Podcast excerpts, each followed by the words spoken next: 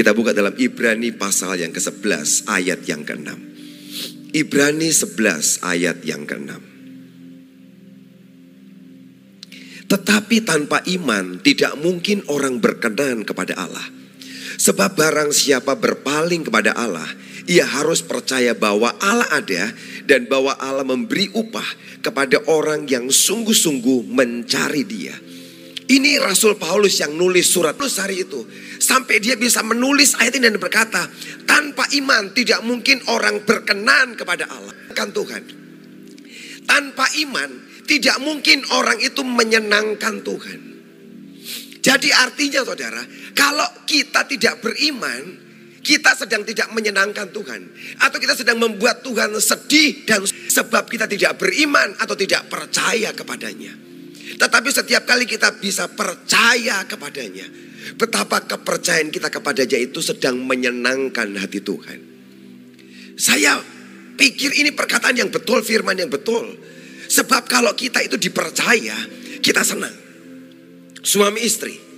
Kalau istri-istri gak percaya dengan suami, suami tentu jengkel atau marah. Sama juga dengan para suami istri. Kalau suami gak percaya dengan istri-istri, tentu istrinya jengkel dan marah. Percaya itu sepertinya hal yang biasa, yang kecil. Tapi itu adalah hal yang besar. Yang sedang menentukan hidup kita. Dan, dan engkau sedang menangkan dia dalam kehidupan kita. Tapi kita harus jujur saudara. Bahwa kita ini sering kali gagal untuk percaya. Gagal untuk beriman pada Tuhan. Betul saudara? Kita sering. Termasuk saya. Saya juga beberapa kali Mungkin puluhan kali saya pernah gagal percaya kepada Tuhan. Tuhan mau sampaikan sesuatu, Tuhan mau beri sesuatu, Tuhan suruh sesuatu, dan saya ini nggak berani melangkah, dan saya tidak berani mengerjakan, dan saya gagal. Tapi kalau kita ini mau sungguh-sungguh belajar percaya pada Dia, maka apa yang kita berikan sedang menyenangkan hati Tuhan. Ketika kita itu percaya kepada Tuhan, ayatnya berkata, Sebab barang siapa berpaling pada Allah, ia harus percaya bahwa Allah ada. Ketika engkau ini belajar percaya menyenangkan Tuhan, engkau harus percaya juga bahwa Allah itu ada. Saudara kita bisa ngomong gampang, oh iya aku tahu Allah ada. Kita akan sangat gampang ngomong Tuhan itu ada. Tapi saudara nggak punya uang, percaya nggak? Kalau Tuhan itu ada bersama dengan saudara. Ketika pekerjaanmu, bisnismu sedang goyah, Saudara percaya enggak bahwa Tuhan itu ada bersama saudara? Ketika engkau sedang punya persoalan, apakah kau percaya Tuhan itu ada? Banyak di antara kita yang bisa ngomong Tuhan itu ada, Tuhan ada. Tapi ketika kau sedang melewati persoalan, melewati tantangan, engkau lupa bahwa dia ada bersama dengan engkau. Engkau lupa bahwa dia ada dan bisa menolong hidup saudara. Jadi, mengapa Paulus sampai ngomong engkau mesti percaya bahwa Allah ada. Bukan cuma kau ngaku di mulutmu, tapi kau sungguh-sungguh tahu dia akan menolong dan menyertai hidupmu. Ketika Daud dalam peperangan melawan Goliat, saya paling senang cerita ini saudara. Saya berkali-kali menceritakan ulang cerita tentang Daud dengan Goliat waktu dia perang dengan Goliat. Hari itu seluruh orang Israel, tentara Israel ketakutan dan mereka sembunyi. Hari itu cuma Daud yang berani maju. Bahkan Raja Saul hari itu takut dan tidak berani menghadapi Goliat orang Filistin ini. Cuma Daud satu-satunya orang yang berani menghadapi Goliat hari itu. Dan ketika Daud menghadapi Goliat hari saudara, dia sendirian. Tidak ada orang yang bersama dia, tidak ada orang yang menyertai dia. Sedangkan musuhnya begitu besar dan sangat menakutkan. Bukan cuma menakutkan, musuhnya mengancam dia. Aku akan membunuh kamu, memberikan daging pada burung-burung di udara. Tapi orang ini yaitu Daud. Dia sangat percaya dan dia tahu Tuhan ada. Dia berkata pada Goliat, engkau datang dalam Daud sendiri. Tapi dia pertama dengan dia.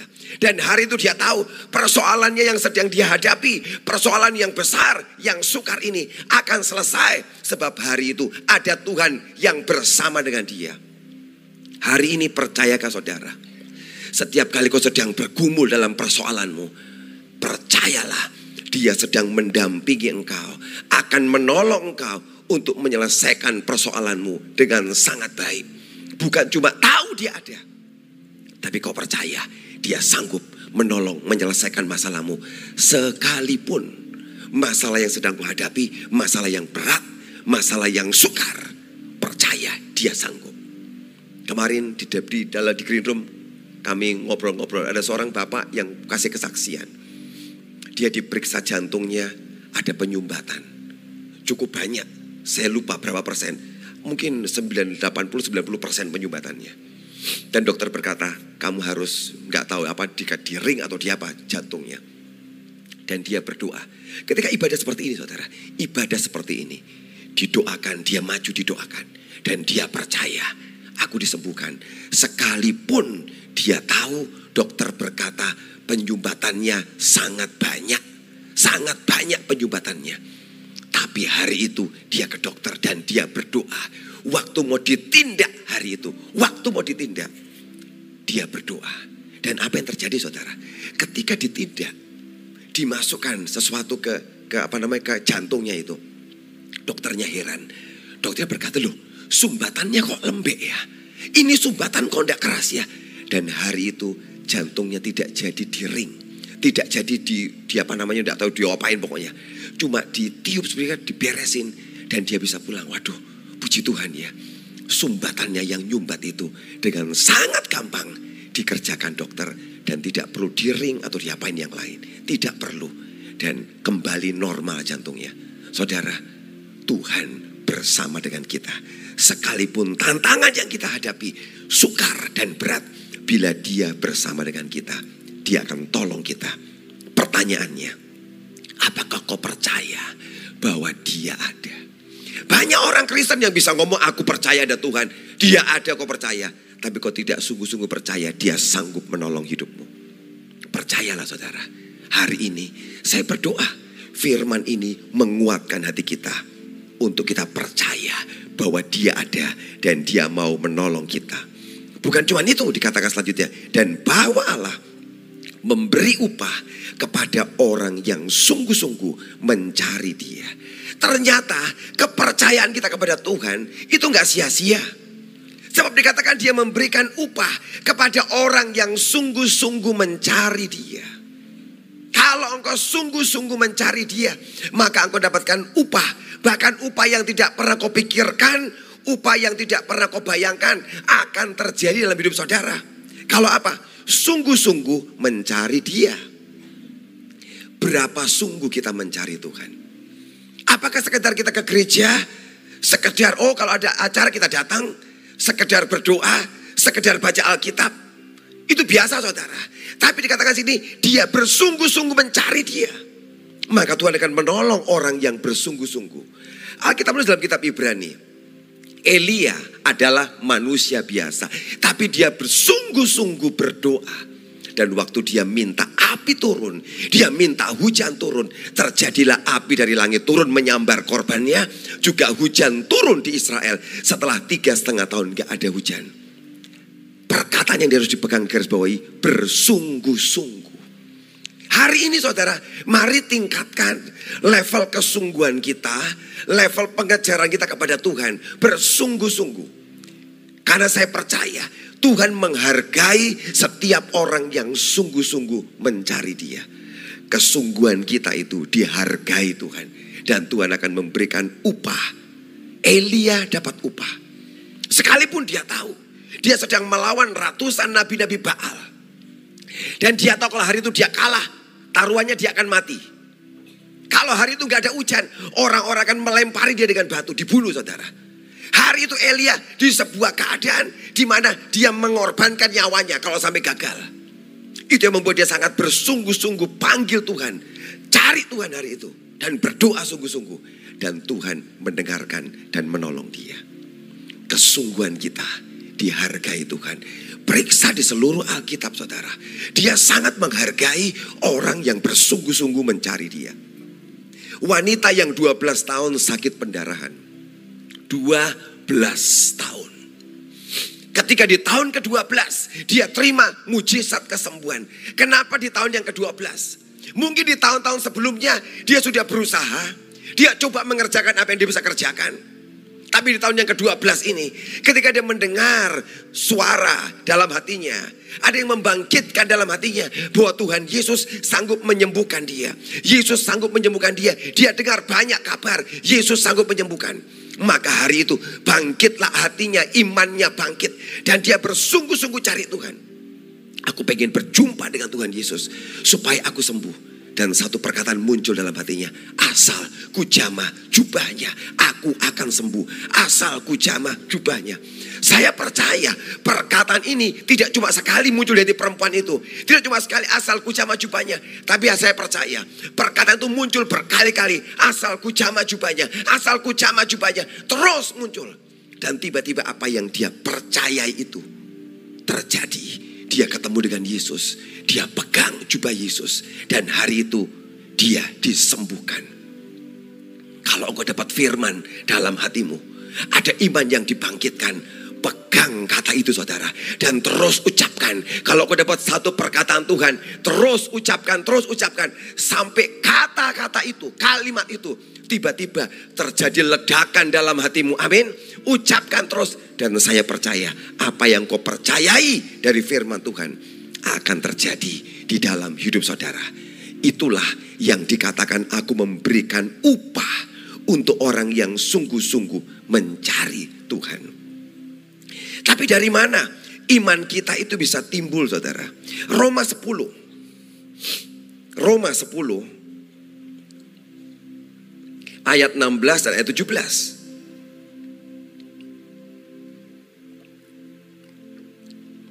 Tetapi tidak semua orang telah menerima kabar baik itu. Yesaya sendiri berkata, Tuhan, siapakah yang percaya kepada pemberitaan kami? Jadi iman timbul dari pendengaran dan pendengaran oleh firman Kristus. Bagaimana iman kita timbul saudara? Waktu kita ini mendengar firman, mendengar firman terus menerus. Dan firman yang kita dengar tiba-tiba tadi saya katakan meledak dalam hati kita sesuatu yang mendorong hati kita. Aku percaya dengan firman ini. Itulah yang membuat apa yang kita baca, yang kita dengar, tiba-tiba menghasilkan sebuah kekuatan iman dalam hidup kita. Dan waktu kau terus mengucapkan perkataan itu, firman Tuhan itu, maka firman yang kau ucapkan akan menjadi kenyataan. Ada kata-kata yang melompat dalam hatimu. Ada kata-kata yang melompat dan kau percaya Tuhan ini, ini Tuhan, ini Tuhan dari engkau. Percaya saudara. Sekalipun mungkin gak masuk akal. Sekalipun buat engkau ini susah Tuhan itu dipercaya. Kalau itu sebuah dorongan kuat dalam hati saudara. Pegang, pegang. Dan itu akan menjadi kenyataan. Amin. Pegang, pegang. Dan itu akan menjadi kenyataan. Minggu lalu, dua minggu lalu saya bersaksi saudara. Tuhan menolong kami sehingga akhirnya kami ini dapat rumah saudara. Tapi Tuhan kan tidak ngasih uang langsung untuk rumah kami itu. Tuhan ngomong bagus, menjelaskan pada saya. Tuhan ngomong gini, aku memang sengaja tidak kasih kamu uang langsung cash. Aku berikan sebuah periode waktu buat kamu. Saya bilang kenapa Tuhan? Kan lebih enak dikasih cash oh Tuhan. Aku langsung bayar selesai gak punya beban. Kalau aku mesti ngangsur ini gak enak Tuhan.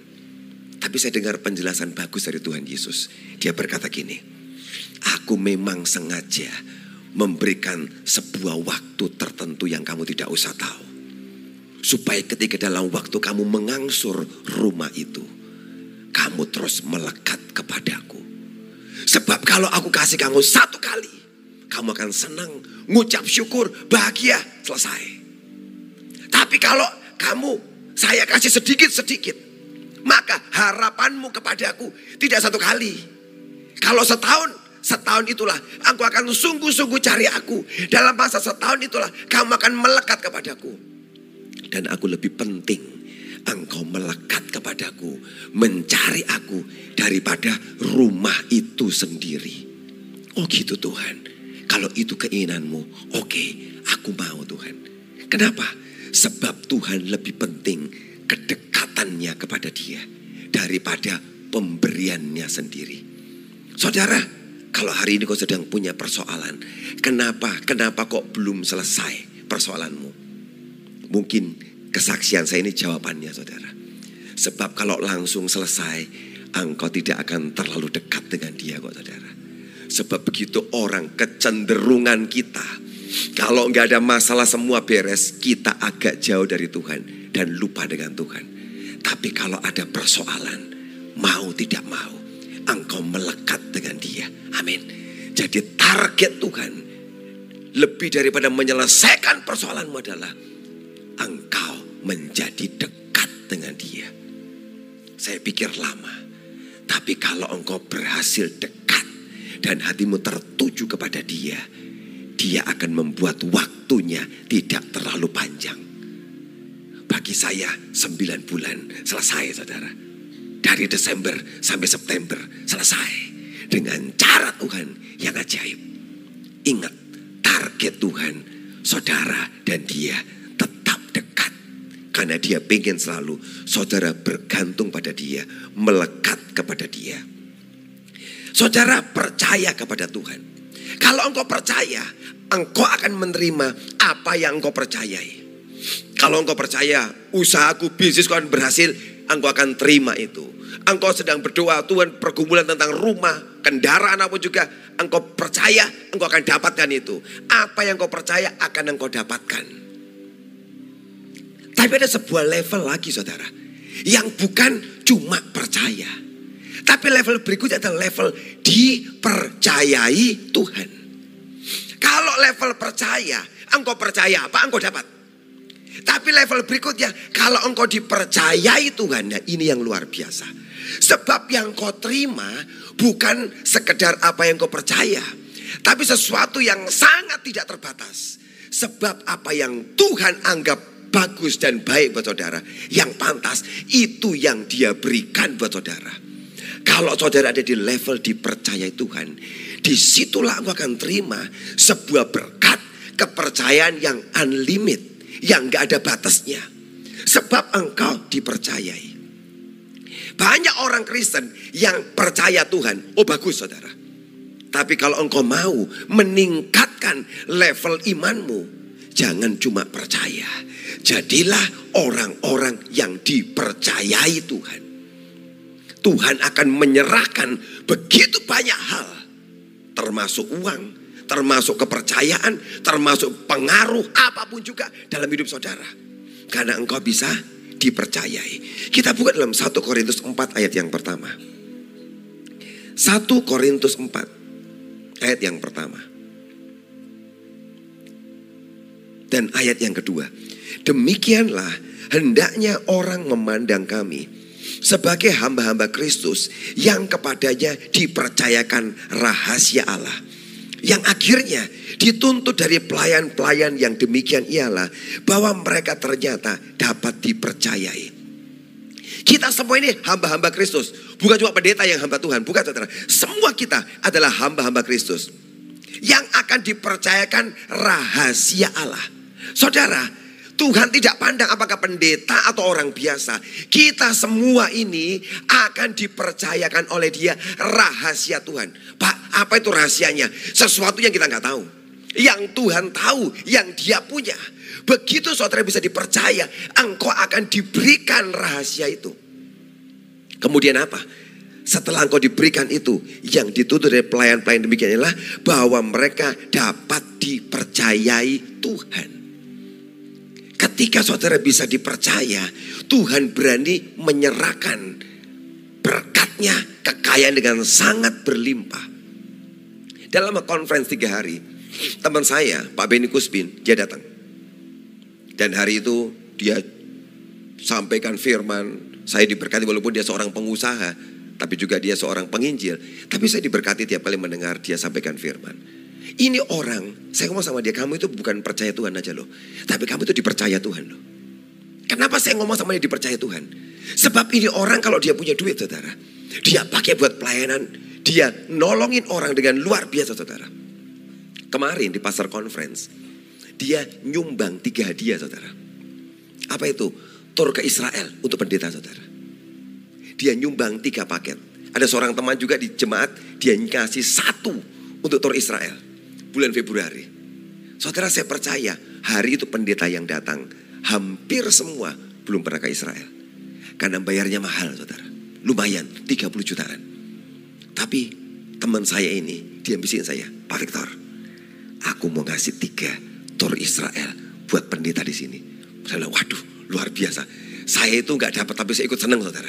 Mendengarkan dia ngomong, saya mau kasih tiga orang. Lu kenapa? Buat dia gampang banget saudara. Tiap kali Tuhan nyuruh dia buat ini, dia kerjakan. Saya bilang kamu dipercaya Tuhan. Sebab tiap kali kamu mengerjakan sesuatu, kamu memberikan sumbangan. Kau menabur dengan sangat gampang. Dan saya percaya hidupnya diberkati. Bilang ini saya lagi menjalankan proyek saya satu lagi di Jawa, di Sidoarjo. Dia lagi bangun toser banyak lagi. Dia nambah lagi di kota-kota, di pulau-pulau lain. Dia nambah. Saudara tahu apa yang dia mau kerjakan? Dia berkata, aku tidak mau pensiun. Aku akan kerja keras. Ngumpulin uang sebanyak mungkin aku tabung. Dan hasil tabungan itu, aku tidak mau ambil bunganya yang sangat besar. Aku akan ambil, biayain semua hamba-hamba Tuhan. Sehingga kalau aku mati nanti, tetap hamba-hamba Tuhan yang aku layani, tetap dipelihara. Saudara, saudara ada nggak orang yang pernah mikir gitu saudara? Dia kerja keras bersama keluarga yang tiga anaknya. Kita kumpulin duit ya yang banyak. Kita masuk deposito, tidak boleh diambil dan bunganya kita ambil, kita tolong hamba-hamba Tuhan. Nanti kalau aku mati kata dia, tetap hamba Tuhan tertolong dengan hasil tabungan kita yang sangat banyak. Saya nggak tahu berapa ratus M atau T, saya nggak tahu. Yang sedang dia persiapkan supaya dia bisa menolong hamba-hamba Tuhan. Saya ngomong makanya kamu dipercaya Tuhan karena hatimu seperti itu. Dia tidak ambil untuk dirinya sendiri dia tabur dan dia tolong banyak orang. Ini teman saya itu orang sederhana saudara. Bajunya nggak merek-merek kok saudara. Sepatunya biasa. Bajunya bukan mahal-mahal. Saya tahu saudara. Biasa. Kenapa? Tuhan jadikan aku dipercaya. Saya senang kumpul dengan orang-orang yang bukan percaya Tuhan saja. Tapi jadi orang-orang yang dipercayai Tuhan. Oh tahu Bu Devi, dia itu bangunin orang gereja di mana-mana saudara. Sampai hari ini saudara. Dia tidak kenal pendetanya, dia kirim uang, dia bangunkan gerejanya, dan dia tolong saudara. Dalam acara pastor conference kemarin, dia ngasih duit. Pak ini kasih. Buat ini orang-orang itu hadiah. Saya nggak minta. Dia ngasih dengan begitu gampang. Kasih ini, kasih ini. Saya bilang saya bersyukur. Saya digabungkan dengan orang-orang yang dipercayai Tuhan dipercayai Tuhan. Dan kalau kita dipercayai Tuhan, maka yang sedang kita terima tanpa batas. Amin. Tanpa batas. Saudara, mari kita bawa hidup kita hari ini. Jangan cuma percaya dengan Tuhan. Jadilah hamba-hamba yang dipercayai Tuhan. Ada sebuah kisah bagus di Alkitab di Lukas 19. Lukas 19. ayat 11 sampai dengan 26. Lukas 19 ayat 11. Untuk mereka yang mendengar dia di situ, Yesus melanjutkan perkataannya dengan suatu perumpamaan. Sebab ia sudah dekat Yerusalem dan mereka menyangka bahwa kerajaan Allah akan segera kelihatan. Maka ia berkata, ada seorang bangsawan berangkat untuk berangkat ke seberang negeri, ke sebuah negeri yang jauh untuk dinobatkan menjadi raja di situ. Dan setelah itu ia baru kembali. Ia memanggil sepuluh orang hambanya dan memberikan sepuluh mina kepada mereka. Katanya, pakailah ini untuk berdagang sampai aku datang kembali. Akan tetapi orang-orang sebangsanya membenci dia Lalu mengirimkan utusan menyusul dia Untuk mengatakan kami tidak mau orang ini menjadi raja atas kami dan terjadilah ketika ia kembali setelah ia dinobatkan menjadi raja. Ia menyuruh memanggil hamba-hambanya yang telah diberinya uang itu untuk mengetahui berapa hasil dagang mereka masing-masing. Orang yang pertama datang dan berkata, Tuhan, mina yang Tuhan Mina Tuhan yang satu itu telah menghasilkan sepuluh mina. Katanya kepada orang itu, baik sekali perbuatanmu itu. Hai hamba yang baik. Engkau telah setia dalam perkara kecil. Karena itu terimalah kekuasaan atas sepuluh kota. Dan datanglah yang kedua dan berkata, Tuhan, mina Tuhan telah menghasilkan lima mina. Katanya kepada orang itu, dan engkau kuasailah lima kota. Dan hamba yang ketiga datang dan berkata, Tuhan, inilah mina Tuhan. Aku telah menyimpannya dalam sapu tangan, sebab aku takut akan Tuhan. Karena Tuhan adalah manusia yang keras. Tuhan mengambil apa yang tidak pernah Tuhan taruh. Tuhan menuai apa yang tidak Tuhan tabur. Katanya kepada orang itu, Hai hamba yang jahat, aku akan menghakimi engkau menurut perkataanmu sendiri. Engkau sudah tahu bahwa aku adalah orang keras yang mengambil apa yang tidak pernah aku taruh dan menuai apa yang tidak aku tabur. Jika demikian, mengapa uangku tidak kau berikan kepada orang yang menjalankan uang? Maka sekembaliku aku dapat mengambilnya serta dengan bunganya. Lalu katanya kepada orang-orang yang berdiri situ ambillah mina yang satu itu daripadanya dan berikanlah kepada orang yang mempunyai sepuluh mina. Kata mereka kepadanya Tuhan ia sudah mempunyai sepuluh mina. Jawabnya aku berkata kepadamu setiap orang mempunyai kepada akan diberi tetapi siapa yang tidak mempunyai daripadanya akan diambil juga apa yang ada padanya. Ini sebuah perumpamaan bagus Yesus menceritakan tentang dirinya sendiri. Dia berkata seorang raja akan pergi ke sebuah negeri yang jauh untuk dinobatkan menjadi raja. Dan setelah jadi raja dia akan kembali. Yesus ngomong, setelah kematiannya dia akan menjadi raja di surga. Dan setelah itu dia sekali lagi akan datang menjemput kita semua. Amin. Dia akan datang menjemput kita saudara. Dan dia menggambarkan kita semua yang ada pada hari ini. Seperti hamba yang dipasrahkan, dipercayai masing-masing satu bina. Ada sepuluh hamba. Dipanggil semua, masing-masing dikasih satu saudara. Tapi ada hamba yang luar biasa. Ketika dikasih satu, dia bisa bekerja dengan sangat baik, sangat sungguh-sungguh. Satu yang dia dapat menghasilkan sepuluh. Saya coba ngerti berapa banyak satu mina itu. Satu mina kira-kira ya gaji tiga setengah bulan saudara. Jadi kalau UMR tiga juta kita hitung lah. Kira-kira 11 jutaan lah. Maka hamba-hamba itu masing-masing dikasih uang kecil 11 juta. Enggak besar banget saudara. Untuk berbisnis, untuk usaha 11 juta enggak terlalu banyak saudara. Masing-masing ngasih 11 juta. 10 orang. Dan ditinggal pergi. Nah ini bahayanya. Ditinggal. Sepertinya Tuhan itu tidak memperhatikan. Tapi dia memperhatikan mereka. Hari ini apa yang Tuhan sedang berikan buat hidup saudara hari ini? Pertanyaannya. Apa yang Tuhan berikan buat gereja HTE? Apa yang dia berikan? Bisakah kita mengerjakan apa yang Tuhan beri dengan baik? Atau kita mengerjakan asal-asalan? Kalau saudara berbisnis, kerjakan dengan sangat serius sungguh-sungguh saudara. Dan kalau kau kerjakan dengan sungguh-sungguh, Tuhan menghargai. Engkau yang bekerja, bekerja dengan sangat sungguh-sungguh. Engkau yang kuliah, kuliah dengan sungguh-sungguh. Apa pun yang kau kerjakan, yang pelayanan, pelayanan dengan sungguh-sungguh. Nanti hasilnya besar. Satu hamba dikasih satu, menghasilkan sepuluh. Dan Tuhan tuh lihat, wow, kamu hebat ya. Dikasih satu jadi sepuluh saudara. Dipuji. Hamba yang kedua dikasih satu, menghasilkan lima. Dipuji, kamu luar biasa, kamu hebat.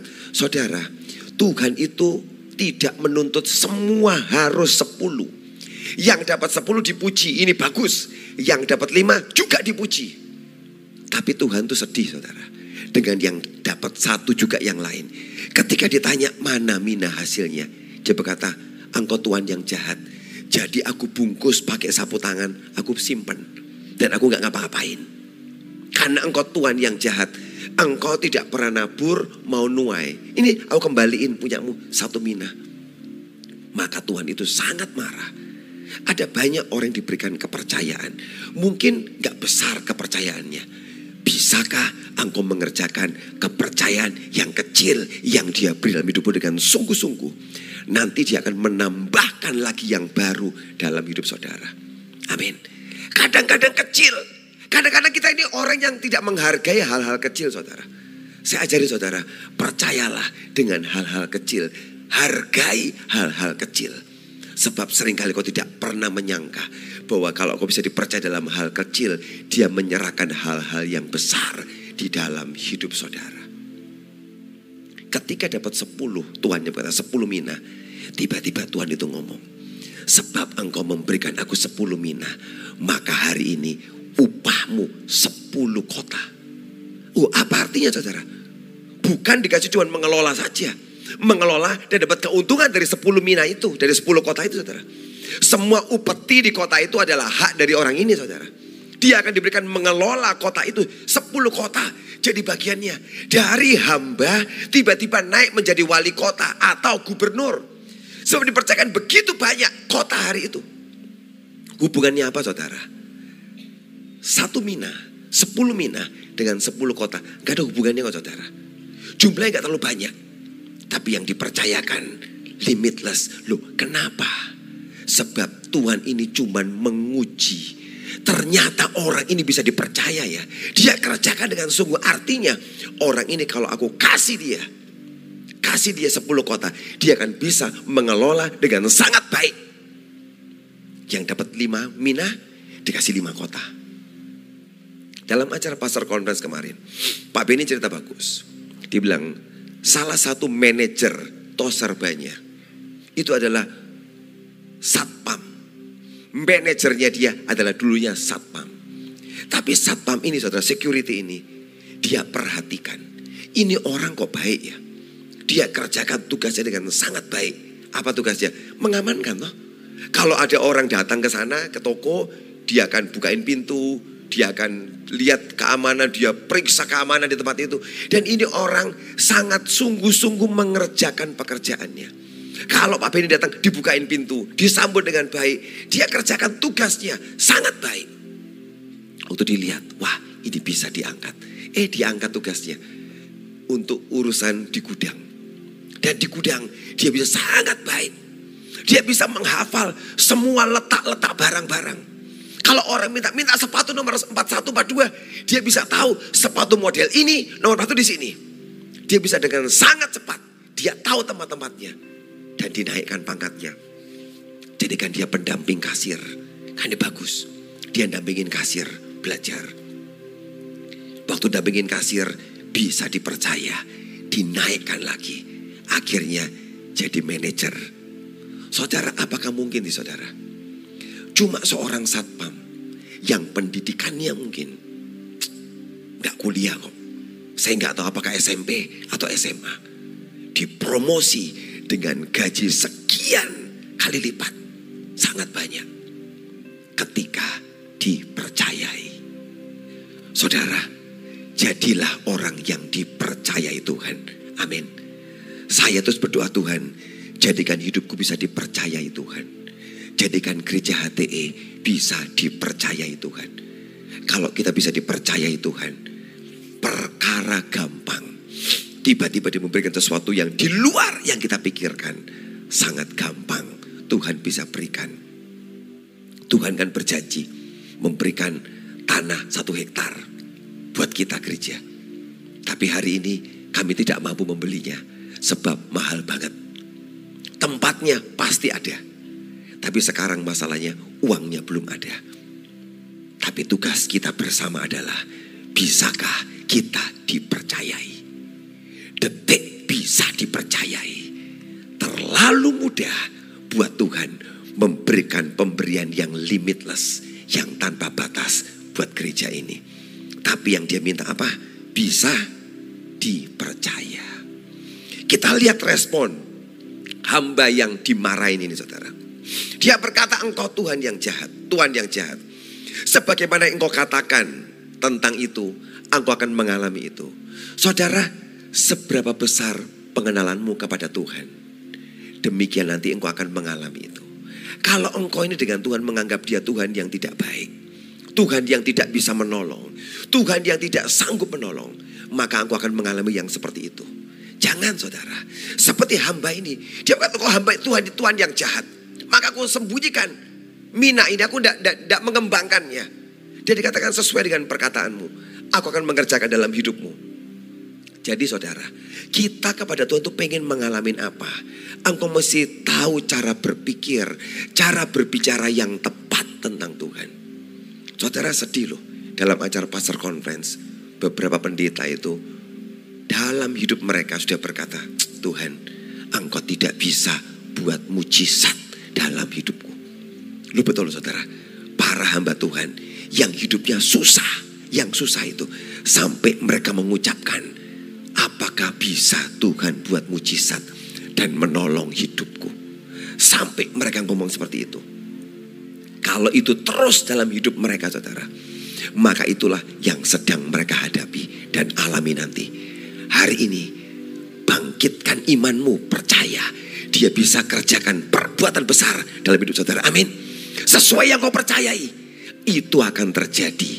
Jangan berpikir seperti hamba yang jahat ini, yang dia berpikir jahat dan negatif tentang Tuhannya. Dan terakhir dikatakan apa di sini? Tuhan itu berkata, ambil satu yang dia punya, berikan kepada yang punya sepuluh. Loh, kan salah saudara. Kok dikasih yang punya sepuluh? Kan sudah banyak, kok ditambahi lagi? Sementara yang lain kan ada yang tidak banyak mungkin. Satu diambil kasih yang sedikit toh. Tapi Tuhan kita, Tuhan kita itu punya kingdom business, cara berpikir kerajaan. Kalau satu ini aku berikan kepada orang biasa, nggak bisa berkembang banyak. Tapi kalau berikan kepada yang sepuluh ini, nanti bisa dikembangkan sepuluh lagi. Sebab ini orang hebat. Saudara, sekali engkau bisa dipercaya, dia akan terus memberikan dalam hidup saudara. Amin. Karena itu mari kita kejar saudara. Sekali kita bisa dipercaya, dia akan tambahkan lagi, dia akan tambahkan lagi, dia akan tambahkan lagi hidup kita sampai saudara. Nanti orang Jawa berkata, engkau belenak dengan berkat Tuhan.